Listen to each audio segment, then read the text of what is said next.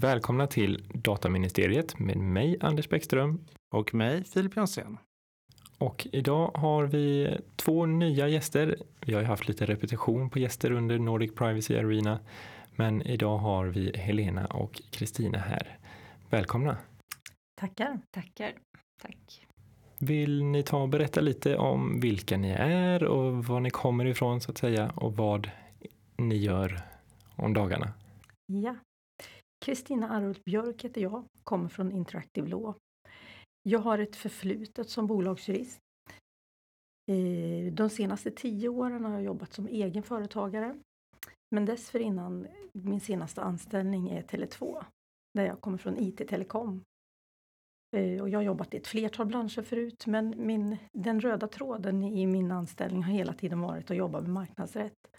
Och det är på det sättet jag kom in på de här dataskyddsfrågorna helt enkelt.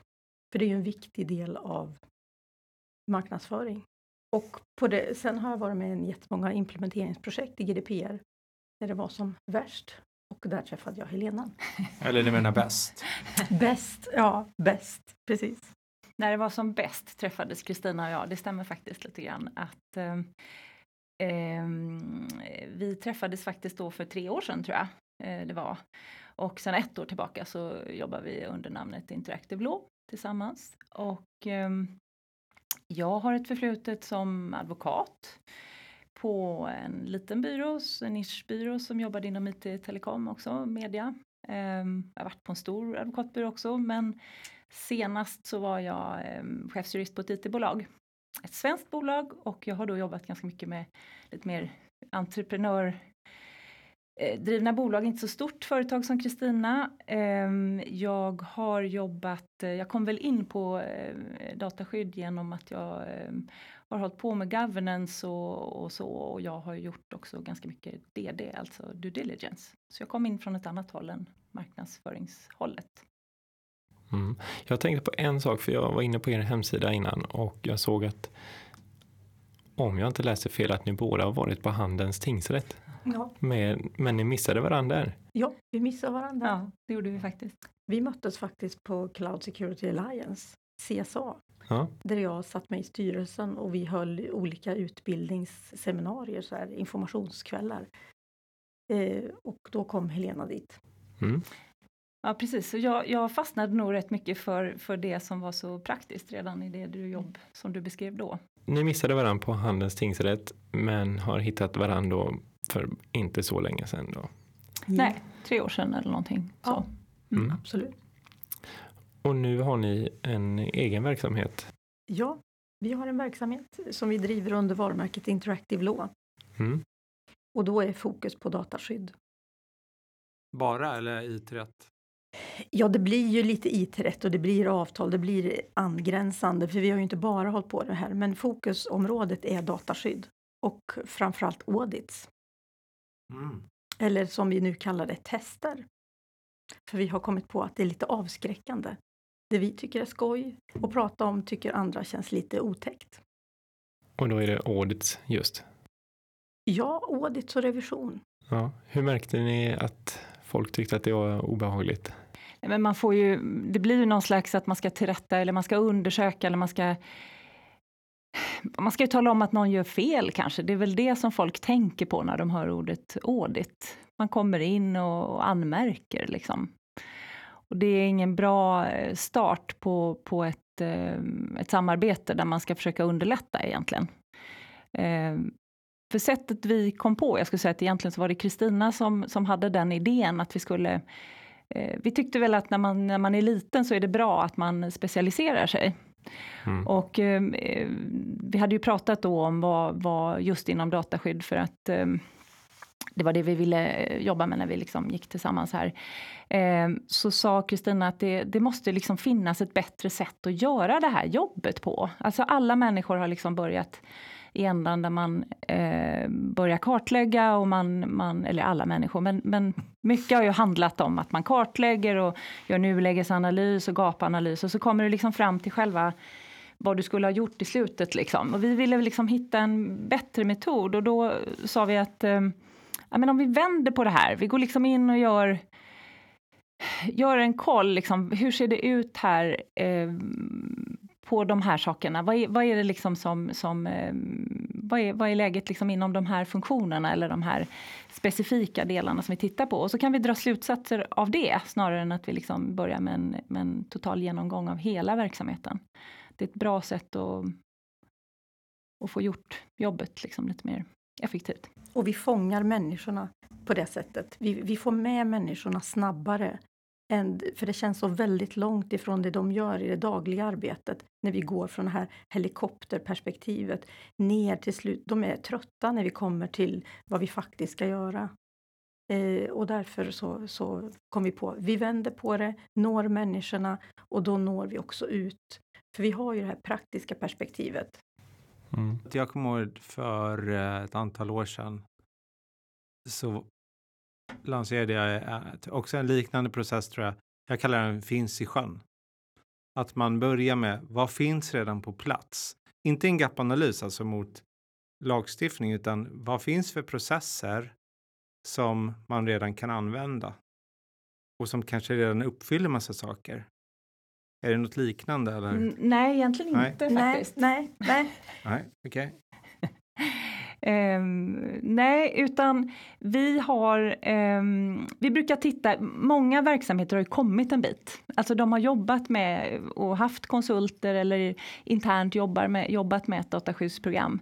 Eh, många stora verksamheter, vi jobbar ju, ska man ju säga det också, vi jobbar ju inte bara alls med startups eller små bolag.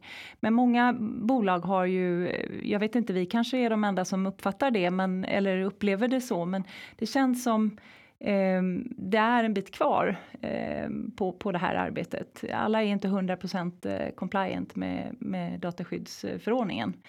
Och att man då eh, lite liksom tar, tar ett steg och tittar, vad är det liksom som skulle göra mest effekt om vi gjorde liksom? Vilka är, om man ska liksom lista en åtgärdslista, vad är mest prioriterat? Liksom, vad skulle vi kunna göra som får det att, gå eh, fortare? Och vi brukar skoja lite grann om att det finns ju den här eh, liknelsen om vad får båten att, att gå framåt. Jag vet inte om ni har hört den där historien om australiensiska roddlandslaget. Vi ska bara göra det som får båten att gå framåt. Det vill säga, vi ska inte lägga massa tid på det här som är extra allt, utan vi ska börja med att se till att båten går framåt. Och, och det, det, det är fortfarande de här liksom hur får vi liksom det här att röra sig i rätt riktning? Ganska mycket faktiskt. Man har, man har ofta liksom kanske inte riktigt hamnat rätt skulle jag säga. Och enkelheten framför allt också. Och det är väl det vi känner med det här, med det här roddlandslaget om man jämför med det. Enkelheten, skala bort allt som är det här extra. Eh, tänk inte på att det ska vara ett allmänt städprojekt utan det, det, är bara dataskydd så nära verksamheten som möjligt och våga göra det enkelt för att stegvis komma upp i en nivå som är acceptabel. Men du måste utgå som verksamhet från där du står. För om man inte gör det kommer folk jobba runt. Alla anställda de vill inte se det här som ett extra, en våt filt över det de gör dagligen. Som att det är ett extra jobbigt projekt som du ska ha vid sidan av, utan det måste integreras. Och det är därför vi ser enkelheten och bara det som är nödvändigt och sen lägger vi på lager efter lager. Vi tycker nog fortfarande också att man, man har väldigt stor fördel om man börjar med att fråga folk vad de tycker om GDPR. Det kanske är en, eh, kanske förvånar, jag vet inte, ni, ni kanske är i de organisationer där det här är helt givet att man ska omfamna den här, eh, de här reglerna. Eh, och det kommer ju komma fler regler, så det är ju väldigt bra med de organisationer som är väldigt positiva. Så. Men det känns fortfarande lite grann som man behöver ha den här diskussionen kring varför är det här viktigt? Vad är det som är bra med det här regelverket? Mm. Och var börjar ni då? Ja, men vi brukar börja med att fråga vad tycker ni? Liksom? Vad tycker ni? Um, och det kanske vi inte gör i den här auditen, men i första kontakterna med de vi ska jobba med och då då brukar vi ha liksom det som, som en, en del. För först brukar vi förklara hur vi gör. Liksom. Eh, och vi vill också väldigt gärna jobba väldigt nära de som vi får uppdrag av. Det är oftast eh, DPO eller DSO som vi anlitas av eller, mm. eller kanske vd, alltså de som, som liksom sitter en bit upp, liksom, eller i alla fall i de här frågorna. Och då brukar vi hjälpas åt att liksom, vi behöver, vi behöver först skopa in och förstå vad är, vad är det för frågor ni vill ha svar på? Och det är också viktigt för att den här rapporten som vi skriver, att den så att säga eh, inte är en one fits all, liksom. utan att det är vad är viktigt för det här bolaget? Har de gjort sin riskinventering? Har de sett vilka liksom, eh, delar i deras verksamhet som, som de verkligen känner är, är de mest angelägna? Det är ju inte alltid så att vi, vi har samma uppfattning där, men att man har en ganska ordentlig diskussion här innan man sätter igång. Mm. Och sen vet vilka som ska vara mottagare av, av rapporten. Det är också viktigt. Och vilka frågor vill man ha svar på? Så att man inte ställer den till fel. För det styr ju också väldigt mycket. Hur ska rapporten sen utformas? För om man ska då ha den här för att visa styrelsen eller ledningen är en sak. Men ska man ha den för att visa verksamheten, då får man också utforma den på ett annat sätt så att man inte slår ner på saker och ting på ett sätt som gör att den, den dataskyddskultur man har lyckats implementera i verksamheten känns som den inte finns. Då tappar de modet. Och det brukar vi påpeka, så därför har vi ganska mjuka frågor till att börja med, där vi börjar gå in på de här på ett mjukt sätt och vi diskuterar så att vi är en hjälp för att se var är hindren i just din eh, dagliga gärning i det här. Vad, vad, ser du för problem i verksamheten? Hur gör du? Så att man ser det som ett hjälp. Det är därför vi kom till fram till att vi ska göra GDPR-tester istället för audits. För det är testa, undersöka, utvärdera. Vad är det vi behöver göra? Vad är det vi behöver förändra? Mm. Så vad är skillnaden mellan era tester och en GAP-analys? Ja, för det första är det, alltså nu tänkte jag möjligen då svara, det, det eh, gör jag som politikerna här, svara på en fråga som jag inte fick. Men först tänkte jag säga, vi har, det är ju inga checklister liksom, så där. det är ju inte så att, utan vi testar förmågorna skulle jag säga. Vi testar och vi försöker se om de har byggt en om, omdömeskunskap, brukar vi eller också ett ord som liksom förekommer lite sådär, som, som känns ganska bra eh, för att beskriva det här. Ja, Kristina, kan du, det här med, med skillnaden med en, eh, om vi skulle säga en gapande, vi testar, vi testar mycket mer om det har liksom hamnat på plats liksom. Ja, och en gapanalys, eh, en gapanalys är ju tänkt att vara mer heltäckande för verksamheten. Här ska du få alla gapen som finns i verksamheten. Det är inte det vi, vi har som utgångspunkt, utan vi tror att det är ett för stort grepp. Det är därför vi inte vill se det här som en gapanalys utan vi går på kanske en tjänst eller en funktion. Och det arbetet som vi gör då och visar att det här ser, så här ser bristerna ut, då kan man använda det på andra avdelningar sen, återanvända det som verksamhet.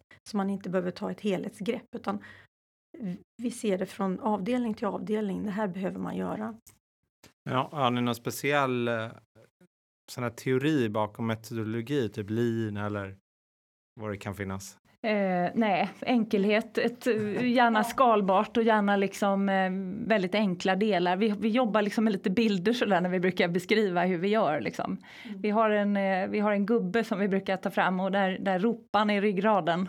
Mm. Och sen ska du då, man kan illustrera det med att man har eh, de som, som, och det finns ju fortfarande företag som, som har gjort ett projekt men fortfarande kanske tror, och det är väl inte riktigt de här stora, men de som, men när man tror att man, man genom att göra en policy som man lägger på webben eller en notice och lägger på webben, det, skulle vi, det beskriver vi som en sko då, att man har, liksom, man har fått en sko på plats. Men, men du behöver ju liksom en ryggrad för att kunna efterleva och du behöver en arm som kan liksom göra ett registerutdrag, du behöver en, eh, en hand som kan göra, ja, det, det, är alla de här och det, det är faktiskt, eh, det är så lite som 13 punkter som vi har på den. Eh, för att liksom konkret så här, de här grejerna måste ni få ut liksom. Sen kan ni skala och lägga på liksom. Mm. Nej, vi har ingen, vi har ingen ISO-certifiering i bakfickan och, som vi liksom kör på någon och vi har inte heller någon känd projektmodell nej, som vi nej. kör.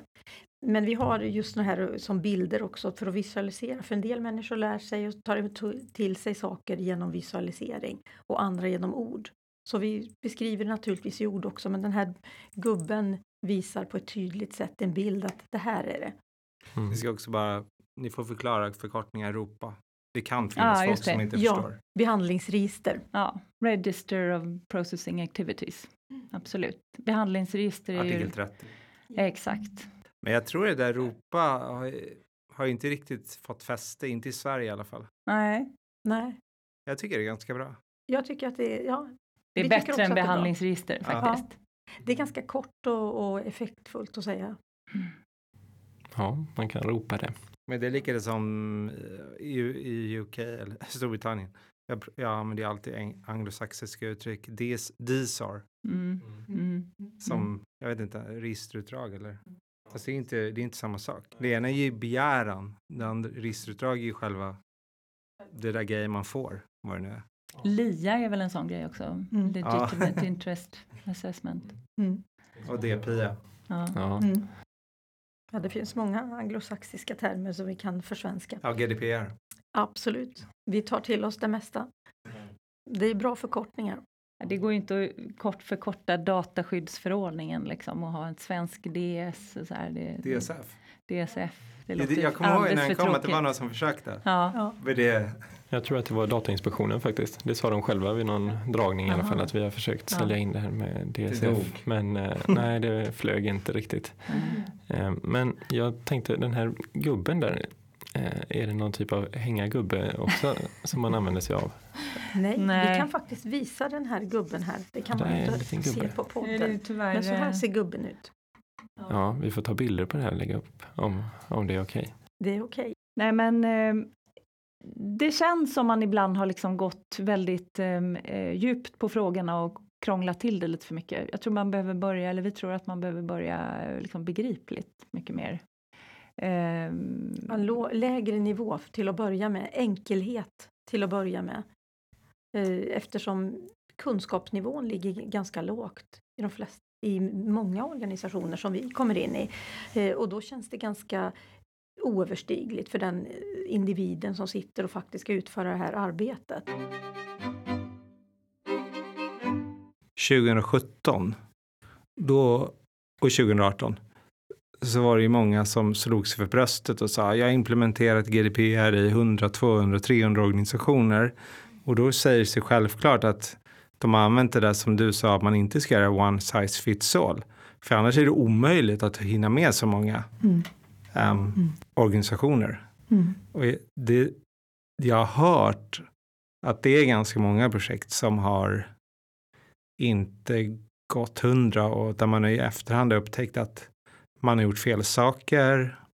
Eller jag skulle säga att alla projekt har ju såklart upptäckt att man har gjort onödiga saker och vissa har blivit för bra, andra har blivit för dåliga och så vidare. Men just det där att de som rullade ut så här en mall, där, de har nog mest att göra om. Ja, det är ju lite tråkigt att det är på det sättet men det, det var väl ingen riktigt som hade alla de här svaren från början heller. Det, det kan man väl villigt säga och man ska väl inte heller säga att det är eh, fel på... mm, Alltså, varför skulle alla människor förstå och veta vad det här är för, Nej, liksom, när det kom? Liksom. Men, och det, finns ju, det finns ju faktiskt bevis på det här med att eh, den här trappan som Datainspektionen gjorde i sin integritetsskyddsrapport, jag vet inte om ni, ni har säkert sett den. Så Den är ju Yes. rätt bra faktiskt. Den visar ju ju då att man, man tror att den, den större del, jag tror att 50 procent av eh, svenska befolkningen uppskattar själva och liksom utifrån sina svar där så är, är slutsatsen att de eh, befinner sig, liksom har börjat eh, använda och förstå och börjat använda sina registrerade, alltså den registrerades rättigheter och göra användning, använda dem. Så att vi i största liksom, utsträckning så, så är, är det här inte helt givet. Och som jag säger, det är inte heller helt accepterat än skulle jag säga. Vi behöver förstå mycket mer. Jag tycker att, att ehm, Hur menar du med accepterad? Menar du i organisationerna eller i, hos allmänheten eller båda? är båda och. Jag, tänker på, jag tänkte faktiskt, jag vet att du har sagt flera gånger att din fru inte är helt eh, inne på, på att det här är ett bra, eh, en bra idé. Liksom, Nej, det är mer att hon inte bryr sig. Är det så? För att ibland så, så uppfattade jag, jag, jag menar det, det är lite det här att en del människor, jag har ju vänner som säger att "Ja, det är förfärligt liksom. Det har fått, varit, vi har varit tvungna att radera, jag har en kompis som jobbar med eh, ett stort rekryteringsföretag, hon säger vi har varit tvungna att radera hur mycket uppgifter som helst. Liksom. Det har ju försvårat vårt arbete jättemycket. Och att sitta på en middag och försöka då förklara vad man jobbar med och varför det är så viktigt, det ger man ju gärna upp ganska fort. Och det är ju inga, det är ju inte, det är inga dumskallar man pratar med utan det är ju mer att det här är ett, ett bök, det är något som liksom kräver en ansträngning, det kräver ett arbete och man har så mycket annat att göra väldigt ofta.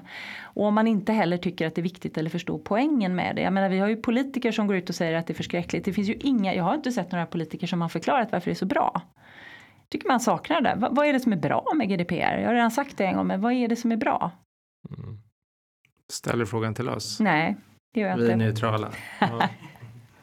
Nej, men eh, det ligger väl mycket i det, just att förstå nyttan i det. Men samtidigt så tänker jag att många har väl just den här resan att göra eftersom man har typ 20 år av ogjort arbete. Oh. Att hade man gjort väldigt mycket redan med, med det som faktiskt fanns så ja, då var väl inte resan lika lång i alla fall och inte lika besvärlig. Men det är väl just för alla de andra som ja, vetat om att det har funnits en lagstiftning men inte gjort så mycket med den egentligen. Det är väl de som har, har det absolut jobbigast. Och det är ganska många som, som inte har brytt sig om den lagstiftningen. Eh, som inte har varit reglerade, på, haft andra regler och börjat bör ta hänsyn till. Ja. Inom bank och finans har man ju, haft, har man ju andra regelverk och är vana att ta i, tag i, i den typen av regler. Mm. Men om man inte har haft den, det kravet på sig så ja, då har man inte tagit hänsyn till, till PUL heller.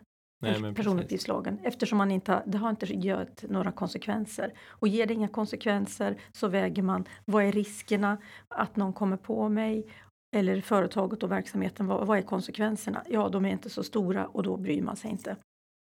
Det, det tror jag i viss mån stämmer. Jag tror det är ännu värre nästan att på mindre att de helt enkelt inte visste om att det fanns något att följa. Nej, det är också, finns ju de också. Mm. Nej, det tror jag. Sen är det väl en annan grej som är ganska eh, viktig tycker vi och det har väl också att göra med var vi kommer ifrån och där, du, där vi träffades på Cloud Security Alliance och det, det är ju informationssäkerheten att den har ju gjort alltså allt att, att vi har blivit så digitaliserade och digitala och att våra ehm, eh, ja, att, att vi helt enkelt har, äh, agerar och, och, interagerar hela tiden eh, digitalt eller på, på nätet och vi, har, vi är så liksom beroende av det här. Det gör ju att vi har också börjat få mycket mer fokus på informationssäkerhet och IT-säkerhet och från det hållet drivs det ju väldigt mycket frågor eh, som ju inte är helt särskilda från det här. Eh, det finns ju ingen eh, jag brukar säga det finns ju inget dataskydd utan informationssäkerhet skulle jag säga. Men eh, det är ju lite två olika saker. Man kan ju inte låta eh, juristerna göra informationssäkerheten och man kan inte låta informationssäkerhetsexperterna mm. göra juridiken helt och hållet. Men jag tycker det är jätteintressant. Eller det är till och med superintressant. Mm. Um, för att återigen 2017, 2018 kände jag att vi var tvungna, nej vi höll på att närma oss varandra jättemycket. Informationssäkerhet och jurister. Men nu 2019 tycker jag man, det verkar ha glidit isär lite grann igen. Att på konferenser och samtal återigen sker de i skilda rum. Mm. Medan för ett och ett halvt år sedan, då var de i samma rum. Mm. Så det är väldigt olyckligt. Jag kan säga att det kommer, jag har inte riktigt den in, uppfattningen. Det finns fortfarande de som förstår från informationssäkerhetshåll att juristerna är viktiga och vill samarbeta. Eh, jag tycker de som har insikt från informationssäkerhetshåll förstår poängen med båda rollerna. Men det kanske är... Nej, jag menar inte att det var nej, alla nej, det nej, ena eller andra, jag men förstår. jag tyckte ett tag var det väldigt mycket mm. överlappning, alltså, mm. eller samarbeten och mm. lite mindre nu. Ja, men möjligen kan man väl säga att det var en väldig GDPR-hype så att alla sorters konsulter ville väldigt ja. gärna förstå och göra det och sen så kanske de, när vi andra fortsatte nörda in oss så kanske de tröttnade och tyckte att det här är ju bara en liten del av ja. det som vi intresserar oss för. Låt juristerna göra den där eh, lag, de där lagarna liksom. Det kan vara sant. Eh. Plus att det, det, det under senare år har det varit flera allvarliga incidenter som är kopplade till informationssäkerhet. Absolut, så väldigt många av tillsynsfallen är ju på 32, artikel 32 ja. som handlar om grund, de mest grundläggande mm. eh, IT-informationssäkerhetsdelarna där man liksom har, har haft väldigt mycket fokus på det som ju inte är, ja men det är en del av dataskydd men inte bara. Är det något särskilt ärende du tänker på?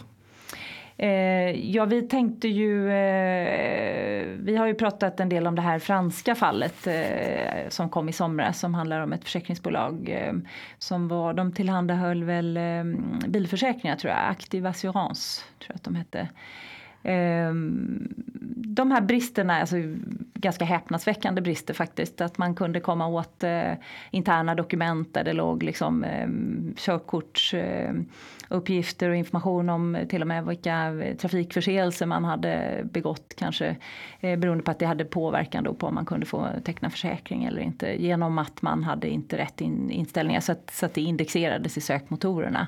Jag om ni har, ni har säkert sett det där, ni är ju mycket mer pålästa än jag kanske om det där. Men eh, det och finns enkla ju... inloggningsuppgifter framförallt också. Mm. Där man ville förenkla inloggningen. Och där man inte hade koll på den senaste tekniken som skulle eh, hur man gör säker inloggning. Hur man ska säkerställa behörigheterna. Så det var ju ganska uppenbart att det var inte bara tekniska utan även organisatoriska åtgärder och väver ihop. Och på det sättet behöver man ju både jurister och informationssäkerhetsexperter. Alla behövs ju där. Men det har ju funnits flera sådana fall. Det har ju varit några stycken, eh, jag menar även eh, eh, det här British Airways var väl ett sånt va? och det här Talk Talk för många år sedan. Mm. Ja. Eh, Aiko, Definitivt. Ja, Mm. allt rörde informationssäkerhet. Talk Talk var ju förvärv, du pratade DD, DD förut. Det var ju ett förvärv som de hade gjort där man inte hade kontrollerat ordentligt eller man hade inte införlivat, om jag kommer ihåg rätt, samma höga säkerhet på de bolag man köpte som man hade på det ursprungliga bolaget. Mm. Förenklat tror jag. Det var även ett sånt på Marriott Hotels vet jag som kom i somras. Där, det, det tycker jag är konstigt att inte det är. Om man nu kommer från eh, förvärv och M&A och sådär så det tycker jag är konstigt. Men det kanske är väldigt uppmärksammat. Jag följer inte det. Jag har hört det från ma jurister nu att dataskydd bör ta en större och större del i alla transaktioner. Mm. Det borde ju göra det. Och att man till och med kan pruta på köpesummor.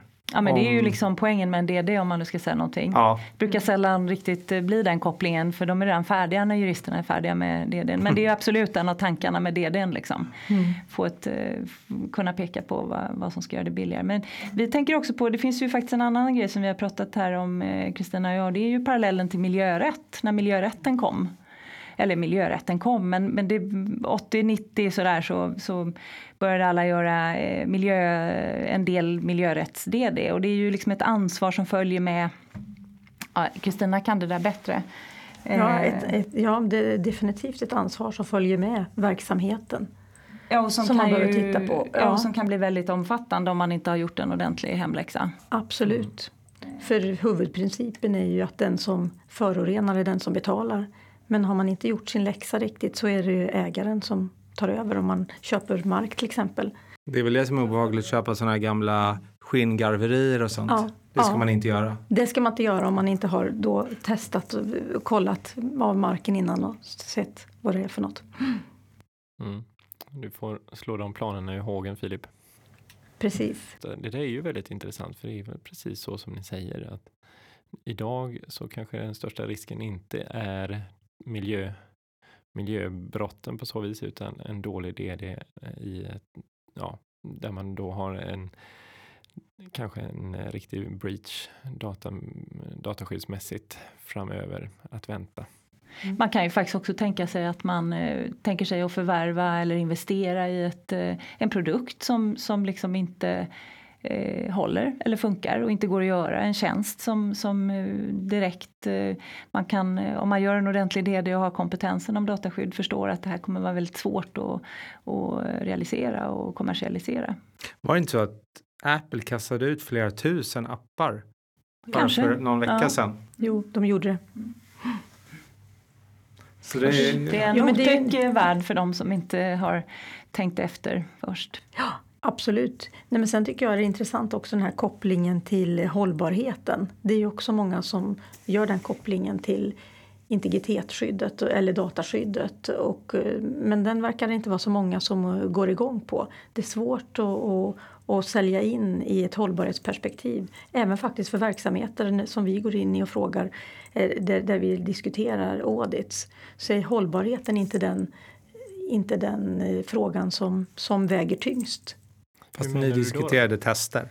Vi diskuterar tester, ja men eh, en verksamhet som har, som har en, med kunder som har ett stort perspektiv på etisk eh, hållbarhet och social hållbarhet etc. så borde det vara viktigt att man har även integritetsskyddet som en mänsklig rättighet i, på plats. Men, men den frågan är inte så aktuell faktiskt. Men är det en mognadsfråga? Du nämnde tidigare att många är lite okunniga fortfarande. Ja, jag tror att det är en mognadsfråga. Det, det, kommer nog och det är nog någonting som kanske från konsumenthåll får drivas också. Att det blir mer och mer viktigt eh, kanske allt för den yngre generationen eh, mer och mer viktigt. För om man tittar på Datainspektionens den här rapporten som kom i maj så kan vi ju se att det är den yngre generationen som har, eh, vill ha registerutdrag etc. och kräver sina rättigheter mer än, än äldre generationer. Men de här företagen eller organisationerna som har satsat på hållbarhet, kanske på miljö, um, etiska, sociala sammanhang. Är det vad är det som brister? För att de borde inte de kunna sätta sig in i de enskildas plats? Alltså de, de, de vad det nu heter på svenska, data subject som de behandlar. Mm.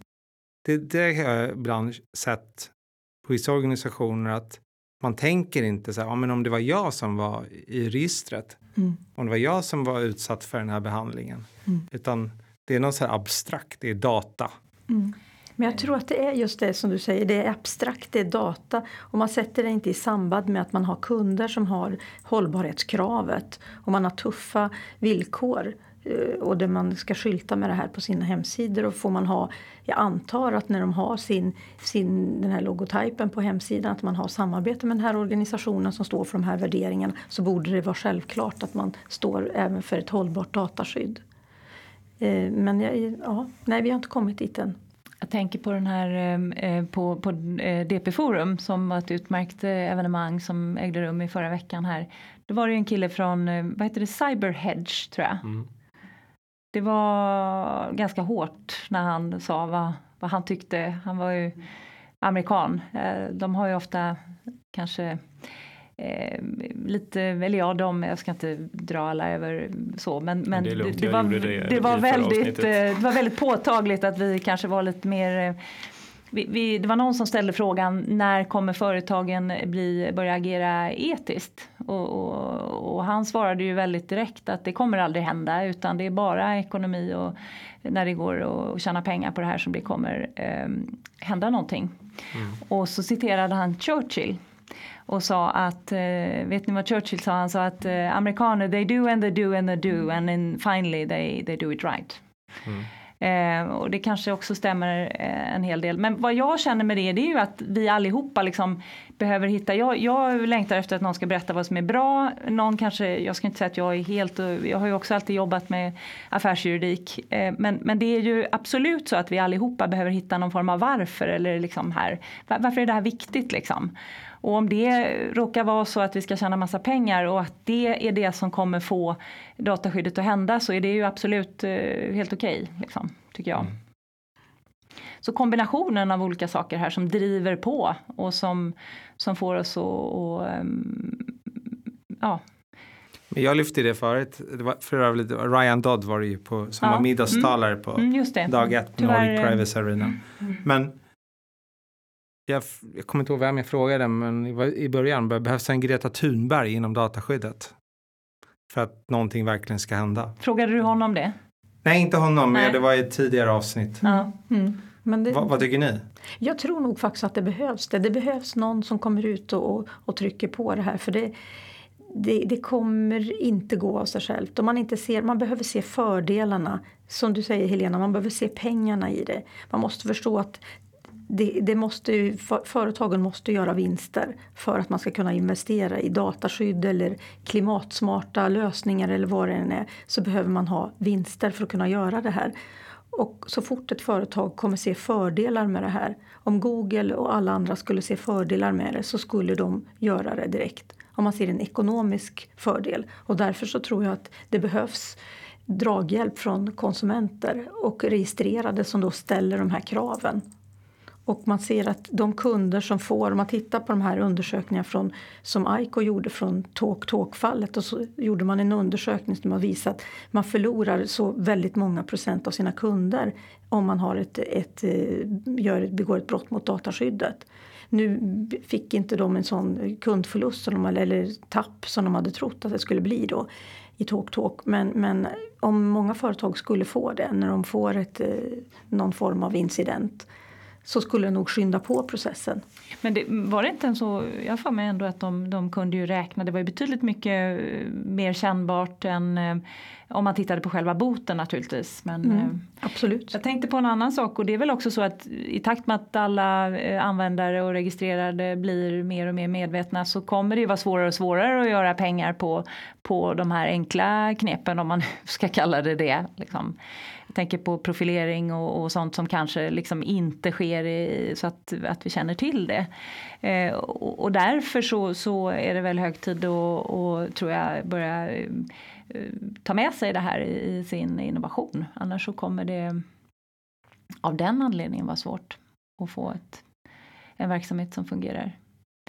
Och det skulle bli spännande att göra ett, en audit på en innovation innan. Mm. Ett, ett, ett, test. Ett, ett ja, test. Ett test. ja, absolut. Ett test på, det, på den typen. Eh, för än så länge vågar man kanske mer gå på tester som är, är mer de enkla.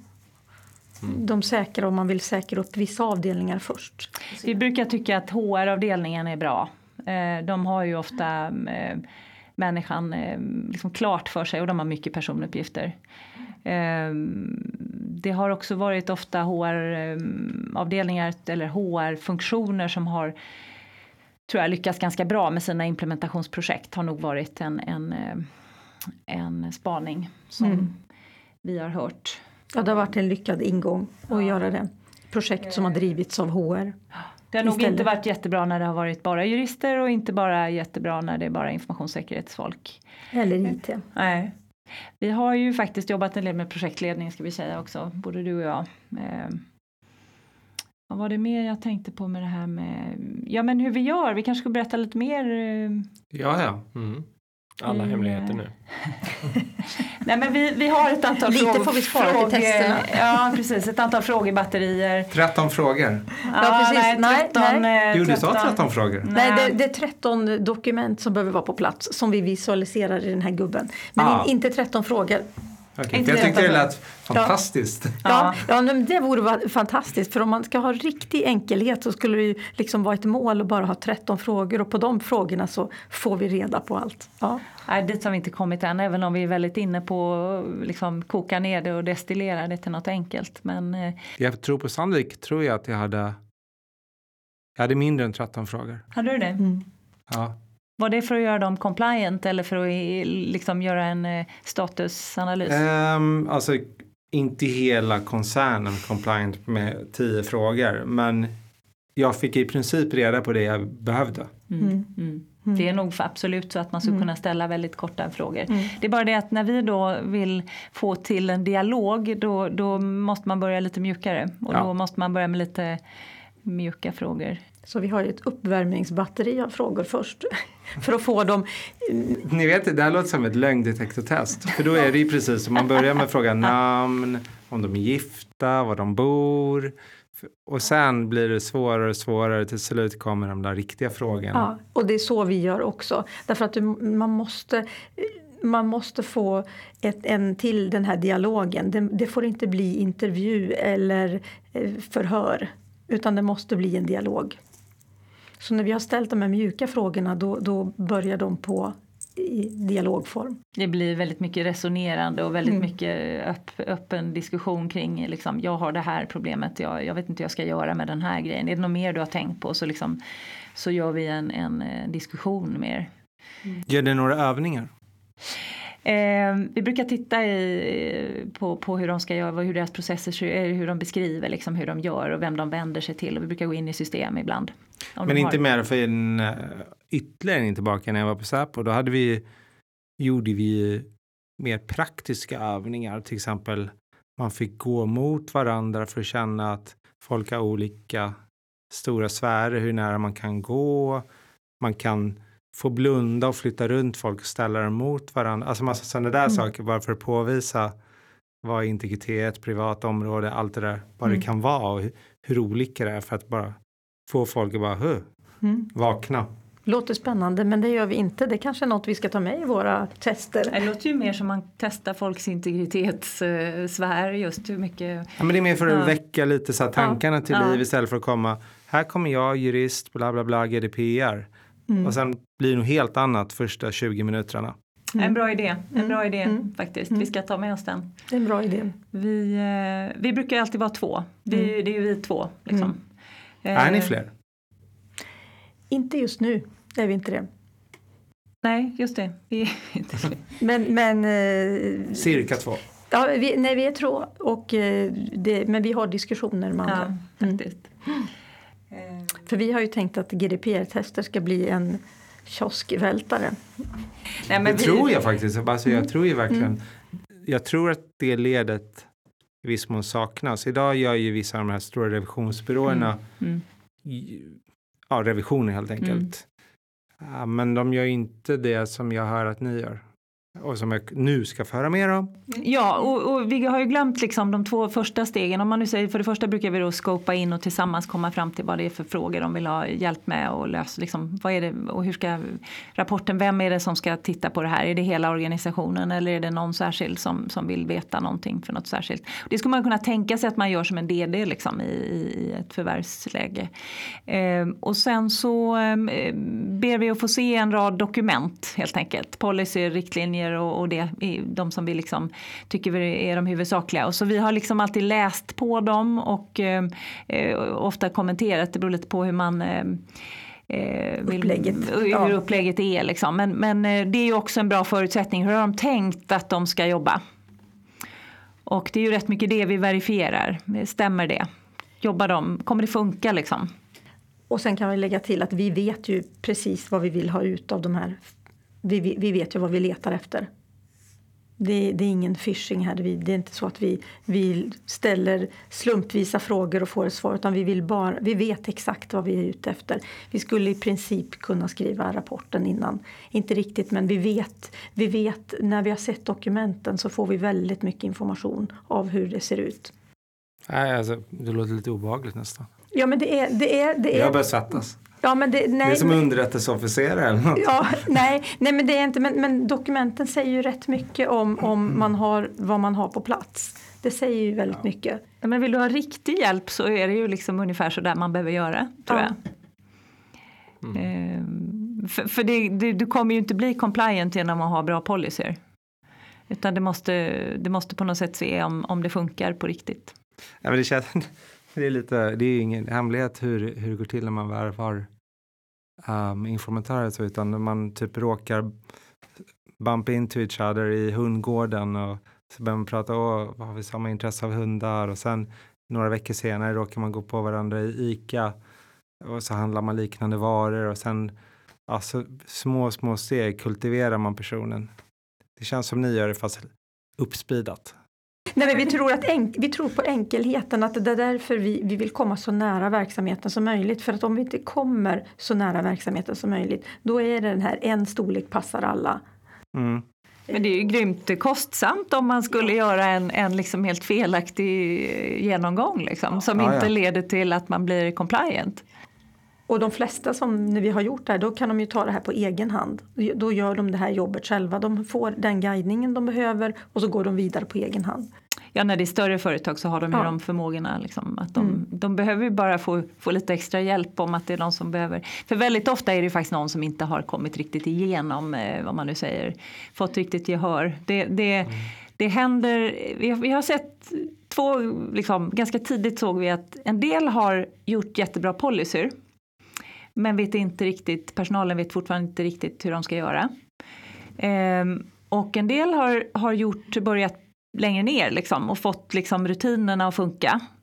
Eh, det händer rätt ofta att det är de som har rätt mycket krav från kunder för att de har en direkt liksom, kontakt. Eh, eh, de behöver liksom, eh, kunna göra på ett visst sätt i sina uppdrag. Eh, jag ska inte mm, säga mer exakt om vad det är för det kanske är någon som känner sig lite träffar då. Men, men, eh, och de har liksom inte kanske någon policy av någon, någon in, inom de här områdena alls utan det fattas liksom en, en, eh, en överbyggnad. Liksom. Det är ganska enkelt att se. Och då är det ju svårt att följa upp när man inte har den här tydliga rapportvägarna. Ingen, inga tydliga roller och ansvar, inga rapportvägar. Eh, man måste ju ha någon form av struktur i arbetet. Mm. Jag, nej, jag tycker verkligen är inne på rätt väg. För man brukar, eller jag har hört det samma, det ska vara lätt att göra rätt. Mm. mm. Alltså mm. det är enkelheten, då måste man ligga nära verksamheten och, mm. och tala deras språk. Mm. Så att om man bara har det där eh, high level uh, en policy, den går ju inte att implementera i verksamheten. De kommer ju bara, vadå? Mm. Men vad ska jag göra? Mm. Nej, men jag vet till exempel också när man skulle fylla i, eh, när man satt på insidan eh, och det har jag hört många som, som har jobbat med implementationsprojektet, alltså kollegor, bolagsjurister och sådär. Att man, man skulle sitta, verksamheten skulle fylla i olika instruktioner och grejer det var ju liksom inte en, en, verks, det var inte en, en uppgift som liksom låg nära till hands för en levererande organisation eller en säljande organisation som inte brukar skriva texter. Liksom. Så det, det, det hänger ju ihop med det här regelverket att det är så himla juristiskt. Liksom. Alltså det är jurister som har tagit fram det. Man måste veta vad en legal enhet är. Du måste kunna liksom skilja mellan, eh, mellan det där. Det, det, hänger inte alls ihop med hur ett företag ser ut. Liksom. Det, finns ju knappt, det, finns ju inte ens, det finns ju inga HR-avdelningar nästan utan det finns HR-partners, det finns alla möjliga roller i företag. Mm. Men, men om du inte om du liksom tror att ett bolag ser ut som med liksom stuprör med olika eh, liksom, eh, avdelningar som, som inte jobbar ihop eller så, eller som har var och en sin funktion. Eh, matrisorganisationer, liksom, det, det, GDPR har never heard of it. Liksom. Nej, men det håller jag med om. Den bygger lite på en gammal ja. struktur. Ja. Och sen bygger det på att det, ligger, att det finns någonting i toppen som man trycker ner i organisationen. Och då fungerar det inte med den här platta organisationen där alla springer och skriver sina egna instruktioner eller får någon liten uppgift som man utvecklar på egen hand. För det kan bli hur galet som helst. Då har man ingen enhetlighet i det hela.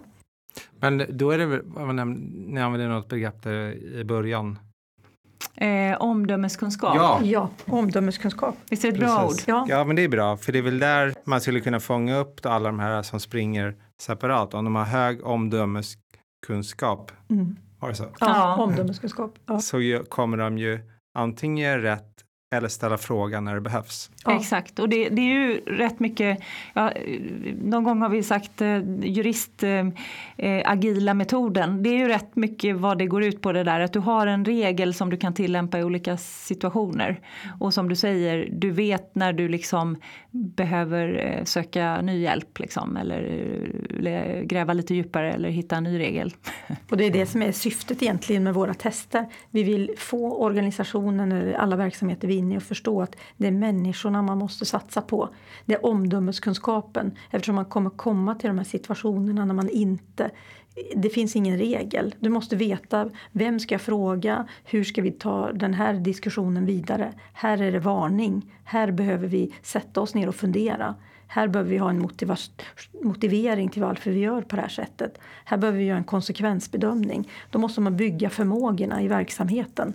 Så det är syftet, en, ett av syftena med, med den här testen. Mm. Det tycker jag låter väldigt klokt. Just att ha det, inte nödvändigtvis att alla ska veta hur man gör rätt, men att i alla fall reagera när man tycker att det här är kanske lite skumt. Mm. Och vad gör man då? Vad är steget efter testet? Det är en rapport och, som, sen... och den innehåller ganska konkreta eh, åtgärdslistor eh, och i prioritetsordning. Eh, de här sakerna är de liksom mest prioriterade. Det är de som skulle göra mest effekt liksom, om ni gjorde. Kan du ge ett exempel på Ja. En sån. Ja, det behöver inte vara från verkliga livet utan bara... Nej men... Eh, att Eller kan inte, du ta man, något från en rapport? Har, ja men att man inte har no, satta några roller och ansvar. Alla, alla vi har frågat kanske svarar att vem, om det skulle hända en incident här, vem är det du frågar då? Hur skulle du agera? Jag vet svaret. Ja. Någon annan. Ja, ja, precis. Då går jag till chefen. Och om alla på en avdelning säger att de frågar chefen och chefen är inte heller riktigt på det klara med, med då, då, ja, här finns inga roller och ansvar. Här finns ingen tydlig struktur för hur, hur man ska ta tillvara det här. Det här kommer aldrig gå på 72 timmar tänker man. Och vad är då det konkreta tipset eller åtgärden ni gör?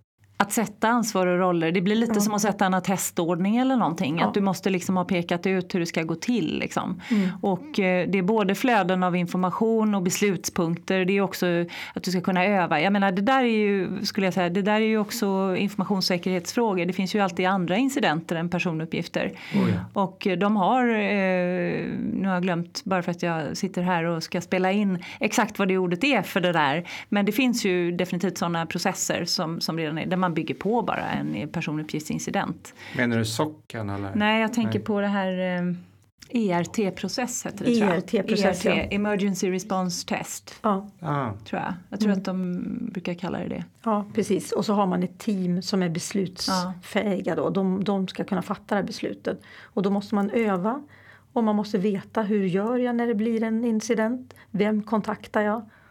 Och hur ska jag få ihop det här på 72 timmar? Och det är det svaret vi vill ha. Hur man gör och att det finns en process. Men, men svarar alla i, på en avdelning eller en funktion att de vill fråga en enda individ som då sen inte riktigt är på det klara med att den har ansvaret. Då förstår vi att här finns ingenting. Nej, det låter klokt. det är en del av det. Ja, har ni något annat exempel? Nej, men det är ju det, om, om man inte har någon policy som har liksom satt tonen eller inriktningen mm. uppifrån mm. så är det ju svårt att också tänka sig att det fungerar. Liksom. Det är väl eh, det är kanske värre om man inte har funktionen där nere. Det var lite det här med vi sa, ibland finns överbyggnaden och ibland finns inte den mm. men, men ett fungerande, fungerande rutiner. Mm. Um, men det måste vara få organisationer som är, har lite storlek som saknar policyn? Ja. De kanske har en övergripande, men mm, det, det, har ju de flesta. Men, men, men alla organisationer har inte nått ner där de har dokument som är specificerade Nej. för varje avdelning som kopplar till den här policyn så att det flödar ner i hela mm. organisationen att man har den här strukturen som en verksamhetsstrateg skulle säga med policy, riktlinjer och rutiner. Och sen tittar man vad man behöver mer och kanske processer. Man har dem dokumenterade, man har instruktionerna till processer. Eh, det behöver man ju också ha för att se hur, hur, hur flödar personuppgifterna i organisationen. Det är en annan sån fråga vi, vi ofta tar. Hur ser flödena ut? Eh, det brukar vi också få ta upp. För det har man inte på det klara med. Vissa kanske har bara systemen Andra de har ju processer men de kanske inte har dem dokumenterade. Det är svårt att ha instruktioner för en avdelning i en viss process om man inte ens har processen dokumenterad. För man måste ju först ha en enhetlighet hur man gör om det är flera som är i den här processen. Vi hade ju en annan rolig, eller rolig, men, men det var ju faktiskt en, jo det var ju faktiskt rätt roligt. Det var en kund som vi eh, pratade med om, om vi, att vi skulle göra en revision. Och, vi frågade, och, och då visade det sig att de hade visst gjort ett stort projekt. Eh, det här var ju en ganska liten spelare. Eh, och de hade en dataskyddspolicy eller notice som vi kanske säger ibland. Eh, men de hade inte lagt upp den för att de var rädda att någon skulle kopiera den.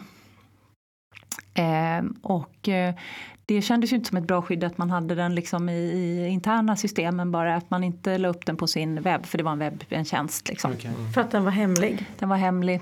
Eh, det andra som vi brukar, alltså vi pratar ju om ROPA. Det är ju ja. inget krav för bolag som har under 250 anställda. Det är lite olyckligt för hur ska man kunna veta var man har sina uppgifter om man inte har någon liksom, eh, kontroll på det. Mm. Så den, eh, den har vi som ryggrad i vår gubbe. Mm. Men det är väl lite som många krav som det finns lättnader. Mm. Ja, men för dataskyddsombud och lite alla möjliga grejer. Att de flesta rekommenderar väl att varför inte ha den då? Mm. För att du behöver ha koll.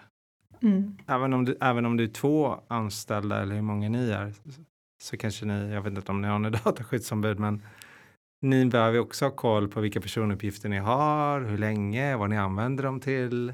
Men är det inte lite dumt att utse någon som då får en, en direkt funktion? Eh, jag kan se att man liksom kan se det på andra sätt. Man kan kalla det någonting annat. Ja. Man så, ofta så kallar det för manager men kanske. inte obligatoriskt. Nej, ja. Data processing, DPM eller någonting. Tycker det kallar vad som helst. Ja. ja. Någon som är ansvarig helt enkelt. Jo men det, det, måste man ha och det är också en av frågorna som vi tar upp. Att man måste ha någon som är ansvarig även om man inte har lagkravet på en DPO. Ja, annars är det ingen ha... som driver jobbet Nej. eller bryr sig om det. Nej och sen måste man, förutom att man måste ha någon som är ansvarig så måste den ansvariga också ha en organisation, några andra som också jobbar med det här. Man kanske har ambassadörer som sitter i andra delar av verksamheten och hjälper på daglig basis.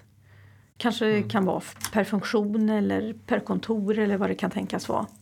Men ni har inga DPO-uppdrag också? Nej, vi har faktiskt funderat rätt mycket på det och, och sett, eh, kan det vara en konflikt möjligtvis med att vi går in och gör sådana här tester om vi också sitter som DPO? Ja, men i olika, samma organisation? I samma organisation ja. går det ju inte. Eh, men ja, vi, vi håller på att fundera på den frågan. Samtidigt så ligger det väl i DPO-rollen att göra, mm.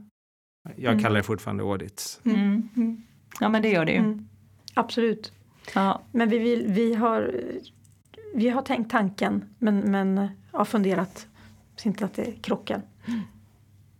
Det är likadant på, på advokatbyråer. En del tar, en del tar inte. Mm. En del har gjort bedömningen att det är okej. Okay. Mm. En del har bedömningen att det inte är okej. Okay. Mm. Eller att man väljer ena eller andra sidan. Mm.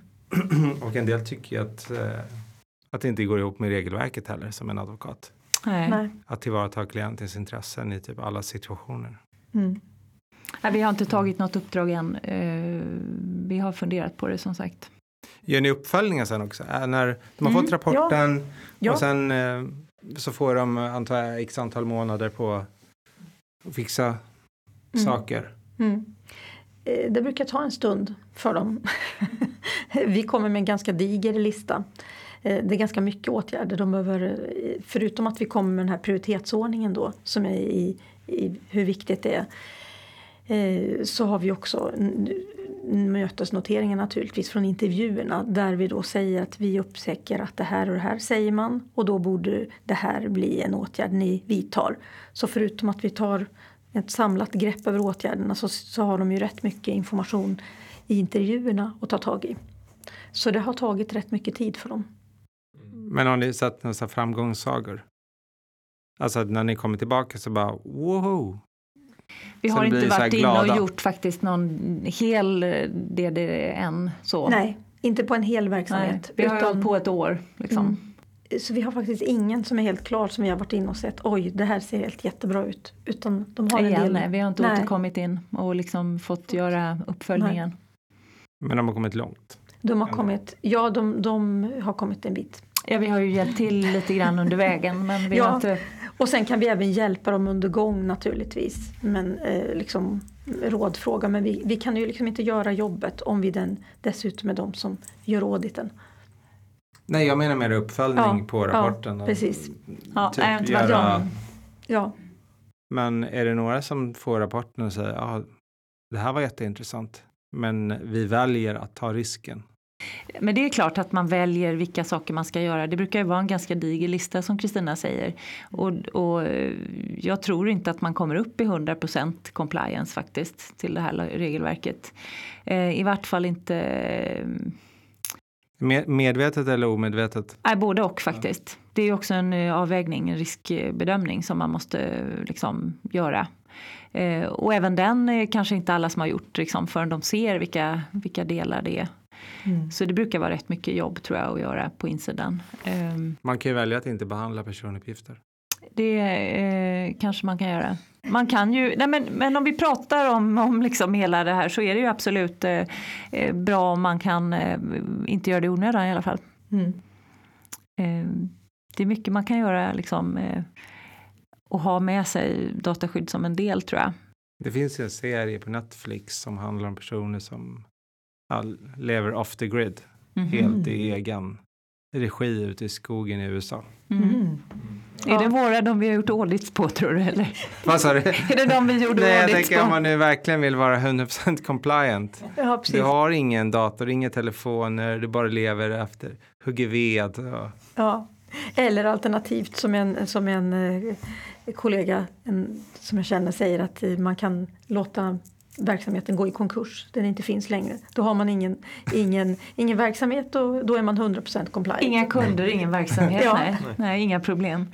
Det är ju ingen bra lösning riktigt. Nej, men, eh, nej, men vi tror inte att man någonsin nej. ska ha den ambitionsnivån för det måste man ju också sätta. 100% compliant är väldigt, väldigt svårt. Det, det är också så mycket bedömningsfrågor i GDPR. Mm. Ja, och, så och sen, man vet inte. Vem ska bedöma när man är 100? Och sen ja. kommer det alltid in ny personal eller det, det händer någonting. Det kommer nyheter och att alla ska vara uppdaterade på det på samma mm. gång. Det, det tror jag är omöjligt. Men när ni varit ute och tittat under ett år drygt, vad ser ni som de, de största utmaningarna för organisationer? Alltså vad brukar det ofta vara att det brister lite mer vanligt förekommande än andra? Ja, men ansvar och roller är väl typiskt ja. en sån. Ja, det är en typisk sån. Mm. Det är en typisk sån. Och det hänger ju också ihop med liksom att det ska fungera, att man ska ha övat som sagt. Mm. Man, man vet liksom vad man ska göra men man vet inte riktigt vem som ska göra det. Hänger också ihop med gå från projekt till um, linjeverksamhet. Mm. Ja, det, det, är väldigt många som har, har avslutat implementeringen men inte riktigt fått klart för sig hur förvaltningen ska gå till. Det, det har vi ju sett. Och det steget ja, det, det, då har man inte riktigt fått det hela på plats. Så vad är, så här, vad är ert hetaste tips för frågan om roller och ansvar? Vad, vad ska man göra lite mer konkret? Konkret så nära verksamheten som möjligt. Sätta ansvaret på funktionerna.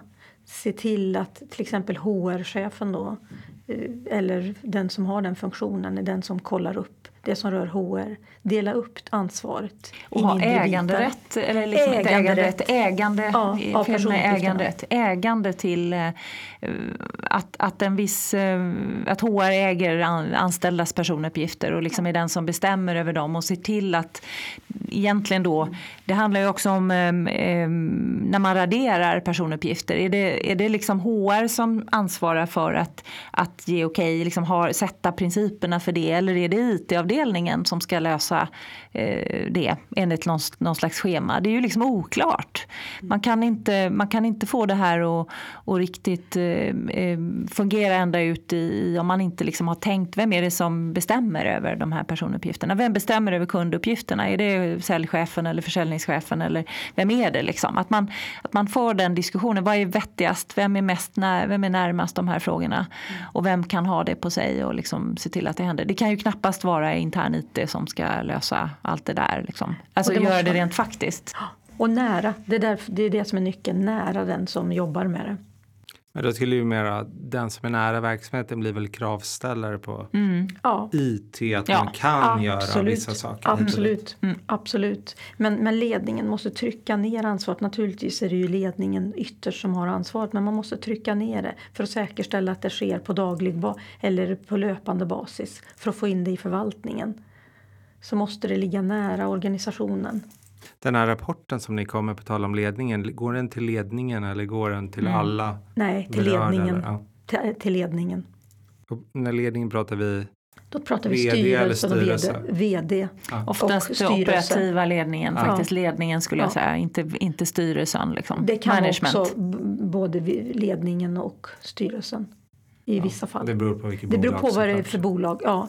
Och det kan ju vara ledningen som äger bolaget och också är med i styrelsen så då blir det liksom mer Det finns faktiskt mycket andra grejer som man behöver mm. tänka på där. Det är till mm. exempel att man ska kalla sakerna som de gör i det här bolaget. Alltså när vi då säger att vi, vi, har, vi, vi sätter liksom frågorna utifrån, många har ju liksom kallat sina eh, implementationsprojekt för, för liksom ett program eller de har liksom olika, ehm, eh, i alla fall de större då har, har eh, fått ett paket kanske från en stor advokatbyrå som har liksom satt namnen på allt det här.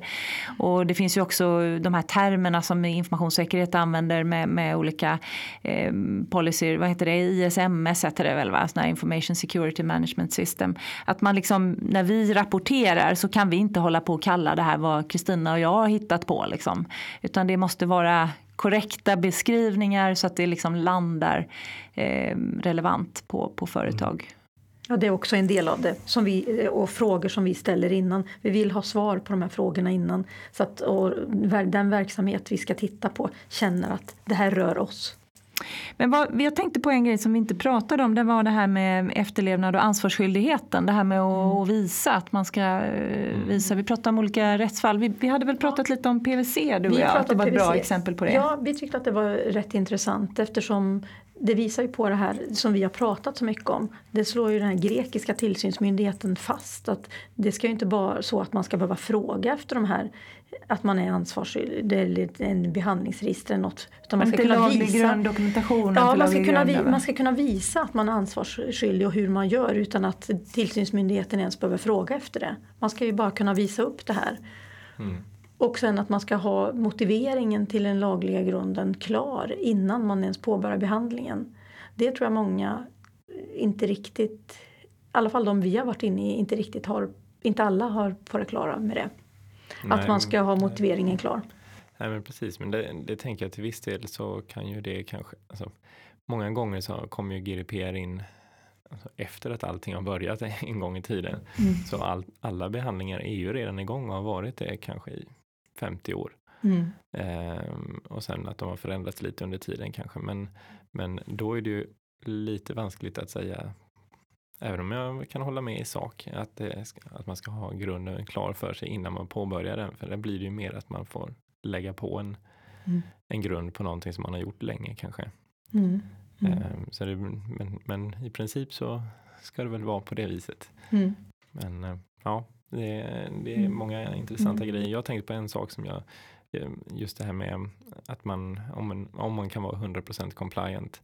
Och jag tycker att det är ganska mycket som Tage Danielssons eh, sannolikheten. Att det var ju liksom, jag tycker att det stämmer ganska bra in på dataskydd eller på GDPR också. Och om man är compliant eller inte. Att ja, man var ju kanske 100% compliant idag men sen hände någonting helt osannolikt. Så då var man inte det imorgon ändå. Vad har ni för favoritartikel i GDPR? Ja, det är ju någon av de där nej. om ansvarsfrihet. Ja precis, vi brukar Eller säga ansvars... nej, 32 har vi. Som, för det, det är det här vi testar, utvärdera och undersöka. Det står faktiskt testa där. Ja, det, det står testa. testa. Mm. Mm. Är ni överens? Ja, och det är inte ansvarsfrihet utan ansvarsskyldighet. Ja. det är ganska roligt att det var... Vi hade fem, men så kom vi på att när vi tittade lite närmare så såg vi att det, det faktiskt våra tester finns ju där. Det kom väldigt spontant, Kristina, det, kom... det här med vår favoritartikel. Ja. Ni kan ju ha, ni kan ha olika. Vi kan ha olika, absolut. Så det, kan få vara fem, två. Ja. Men jag, jag måste säga, vad med lite grann med PVC och även andra rättsfall, det här med att kunna påvisa eh, compliance eller vad man nu vill kalla det, ansvarsskyldighet på svenska, eh, accountability på engelska. Vad, vad kan det innebära rent konkret för en organisation? Ja, att man eh, kan visa upp eh, ändamål kanske. Att man har de här behandlingsregister för att visa hur man, vilka behandlingar man har. Jag upplever lite grann i PVC att det skulle vara typ, typ ett klick mm. bort. Ja, ett bara, klick bort. Klick, här är ja, det. Ja. Och då, då tycker jag ett exempel på det är ju ett behandlingsregister visa det här, så här ser våra behandlingar ut. Där har man i och för sig inte som lagkrav att ha med laglig grund men många lägger ju in det ändå. Och det kanske en del har det vid sidan om. Men det här som du säger Anders att, att man kanske tycker att man var compliant och så händer det någonting men, men i det fallet så var det ju eh, den lagliga grunden för behandling av anställdas personuppgifter. Mm. Det kändes ju kanske som en ganska grundläggande fråga säger man här när man sitter då och är två anställda och inte har så svårt med den lagliga grunden för vår behandling av våra anställdas uppgifter. Ja, eh, men, men alltså det, det, var väl, det är väl absolut en skillnad liksom hur komplex frågan är, mm. om man nu säger så. Tror I det fallet var det väldigt konstigt. Mm. Alltså man kan ju tycka. Mm. Jag har ingen åsikt om PVC, om de är duktiga eller inte Nej. duktiga. Men när man jobbar med revision, troligtvis jobbar med dataskydd, att då använda konsent till anställda kändes lite så här. Mm. Mm. Ja, det kändes lite, ja, väldigt lite konstigt. Lustigt. Den borde man vara 100% compliant på kan man ju möjligen säga. Ja. ja. Mm.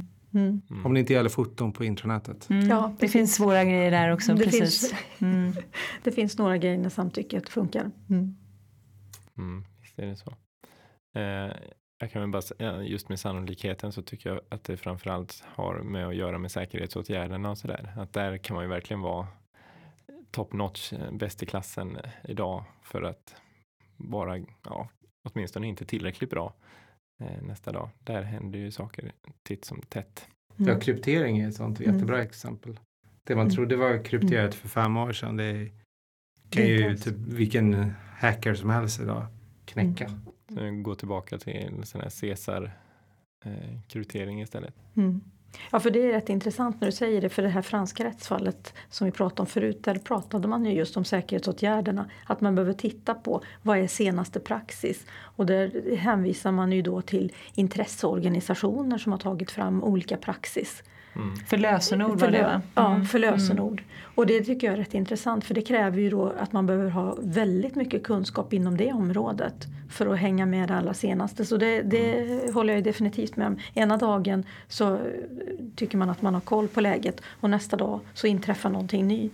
Mm. Det har kommit fram något nytt på området och då, då behöver man helt enkelt vara så påläst att man håller sig ajour med vad som händer. Det beror ju säkert på vad man bedriver för verksamhet. Håller man på och gör eh, ja, eh, bedömer folks mm, möjlighet att få teckna försäkringar så, så kanske mm. man ska ha lite mer kompetens inom säkerhet. Mm. det som. Ja, absolut.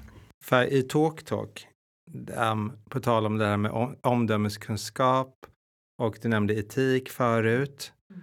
Och där gick ju vdn ut och sa efter breachet för det var ju okrypterat det låg, så sa ju hon, ja men det finns inget lagkrav på att ha informationen krypterad. Det var ju också så här, men det var ju ganska omdömeslöst. För att i alla fall om jag hade varit kund på TalkTalk hade jag kanske förväntat mig att det låg krypterat. Så att det är en sak liksom att peka på lagen, det andra är just etik, omdömesförmågan. Mm. Ja, Definitivt. Faktiskt. Man, man undrar hur många andra saker som, som, man, som är lämpligt att man gör som de inte hade gjort. Fast, säger så. fast i det fallet måste, håller jag inte med om att det inte är ett lagkrav för det är ju telekom. Och där ligger i, i lagen om telekommunikation så ligger ju det kravet på konfidentialitet. Så där, det finns ju en annan lagstiftning som ja, sätter det kanske kravet. till och med hade fel. Ja, så det, det, det sätter ju annan kompletterande de lagstiftning. De kanske inte hade kopplat konfidentialitet med Nej. Hon hade nog inte gjort det. Tekniska åtgärder. Ja, men eh, för då tackar vi. Ja, stort tack. Tack själva. Tack Tackar. Anders. Ja, men tack allesammans och tack alla ni som lyssnade. Tack ljudtekniker.